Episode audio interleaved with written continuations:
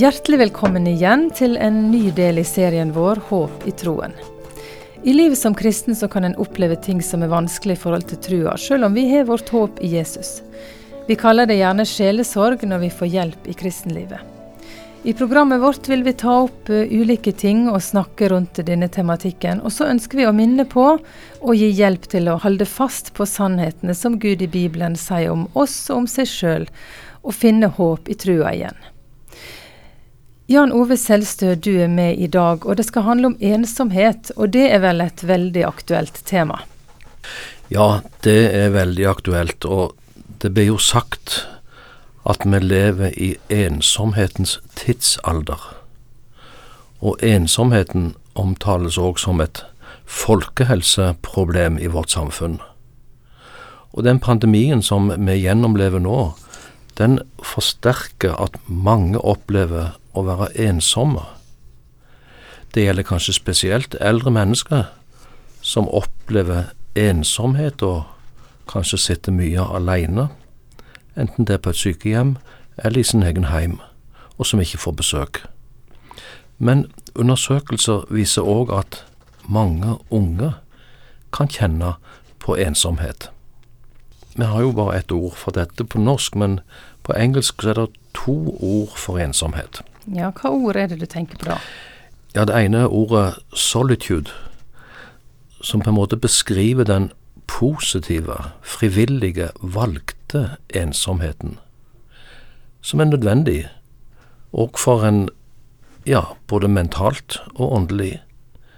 Det å være aleine, og det å, som en kristen òg, å ha alenetid med Gud det er veldig viktig. Og det andre ordet er loneliness, som mer beskriver den negative, den vonde følelsen av å være aleine. Det er denne ensomheten vi skal ha fokus på i dag. Mm. Vi skal snakke om den ensomheten som oppleves vond. Og du, aller først så vil jeg høre litt om hva Bibelen sier om ensomhet. Ja, skal vi begynne helt i, i første Mosebok? Når Gud skapte mennesket, så så han at det var ikke godt for mannen å være aleine. Han skapte en medhjelper, eh, slik at mennesket kunne leve i fellesskap, i ekteskap, i familie, i samfunn.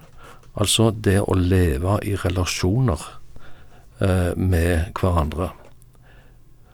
Og så sier Bibelen òg veldig mye om at vi er skapt til fellesskap. Først og fremst er vi skapt til fellesskap med Gud. Han ønsker å ha samfunn med oss. Um, et bibelord på det er jo 1. Johannes 1, der det står at dersom vi vandrer i lyset, like som Han er i lyset, ja, da har vi samfunn med hverandre, og Jesu, Hans Sønns blod, renser ifra all synd. Samfunn med hverandre. Gud ønsker å ha fellesskap, samfunn, med sine barn. Og så er det i Bibelen så veldig mange sånne hverandre-ord, som nettopp understreker det, at vi er skapt til og meint til å leve i fellesskap. Dere skal elske hverandre, sa Jesus. Dere skal ta dere av hverandre. Dere skal holde fred med hverandre, dere skal tilgi hverandre. Dere skal være gjestfrie med hverandre, tjene hverandre. Og det gjelder òg kanskje først og fremst i det kristne fellesskapet, uh, som er så viktig for en kristen å ha et åndelig fellesskap, en relasjon eh, til andre medkristne. Bibelen sier kanskje ikke så mye om akkurat hvis du googler ordet ensomhet, men det sier veldig mye om fellesskap. At vi er skapt til å ha fellesskap med Gud og med hverandre. Mm. Vi skapte fellesskap, eh, sier du. Likevel så er det mange som, som kjenner seg ensomme. De som kjenner seg ensomme nå når de lytter på dette programmet, hva vil du si til deg, Jan Ove Selstø? Ja, jeg har så lyst til først å presisere at, at det å være aleine, eller det å være enslig, ikke er det samme som å være ensom. Eh, ensomhet, det er den, den vonde følelsen av å være ensom, ikke ha noen å dele fellesskap med. Og det er den som, som er så vanskelig. Og ja, hva, hva, vil jeg, hva vil jeg si til deg som kjenner på denne vonde ensomhetsfølelsen? Um, du har kanskje prøvd å ta kontakt med en du har tillit til. Um, det tror jeg er viktig. Uh, å ha og ta kontakt med en som du kan snakke fortrolig med uh, om din situasjon, og pleie fellesskap med. Og Så tror jeg òg uh, at jeg vil oppmuntre deg som kjenner på en ensomhetsfølelse, våge å oppsøke fellesskap. Jeg vet at frykten for å bli avvist er lett å kjenne på, men, men la ikke den hindre deg i å aktivt oppsøke et fellesskap.